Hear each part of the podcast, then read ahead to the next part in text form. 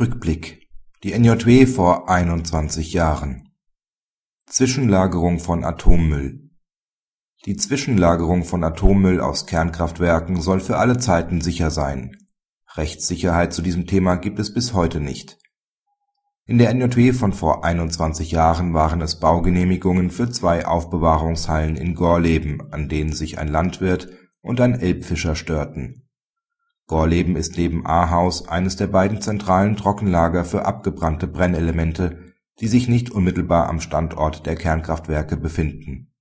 Aus dem Grundgesetz könne nicht abgeleitet werden, dass private, externe Zwischenlager der nuklearen Entsorgung nur aufgrund einer ausdrücklichen Zulassung durch den Gesetzgeber geschaffen werden dürfen, entschied das Bundesverfassungsgericht (NJW 1988, Seite 1659 Leitsatz ist gleich NVBZ 1988, Seite 427). In den bayerischen Gemeinden Grafenrheinfeld, Gundremmingen und Niederaichbach wird der Atommüll jeweils am Standort des Kernkraftwerks gelagert. Die Anwohner der Lager müssten das verbleibende Restrisiko der Anlage hinnehmen, lautete die Entscheidung aus Karlsruhe (NJW 2009, Seite 1869 Leitsatz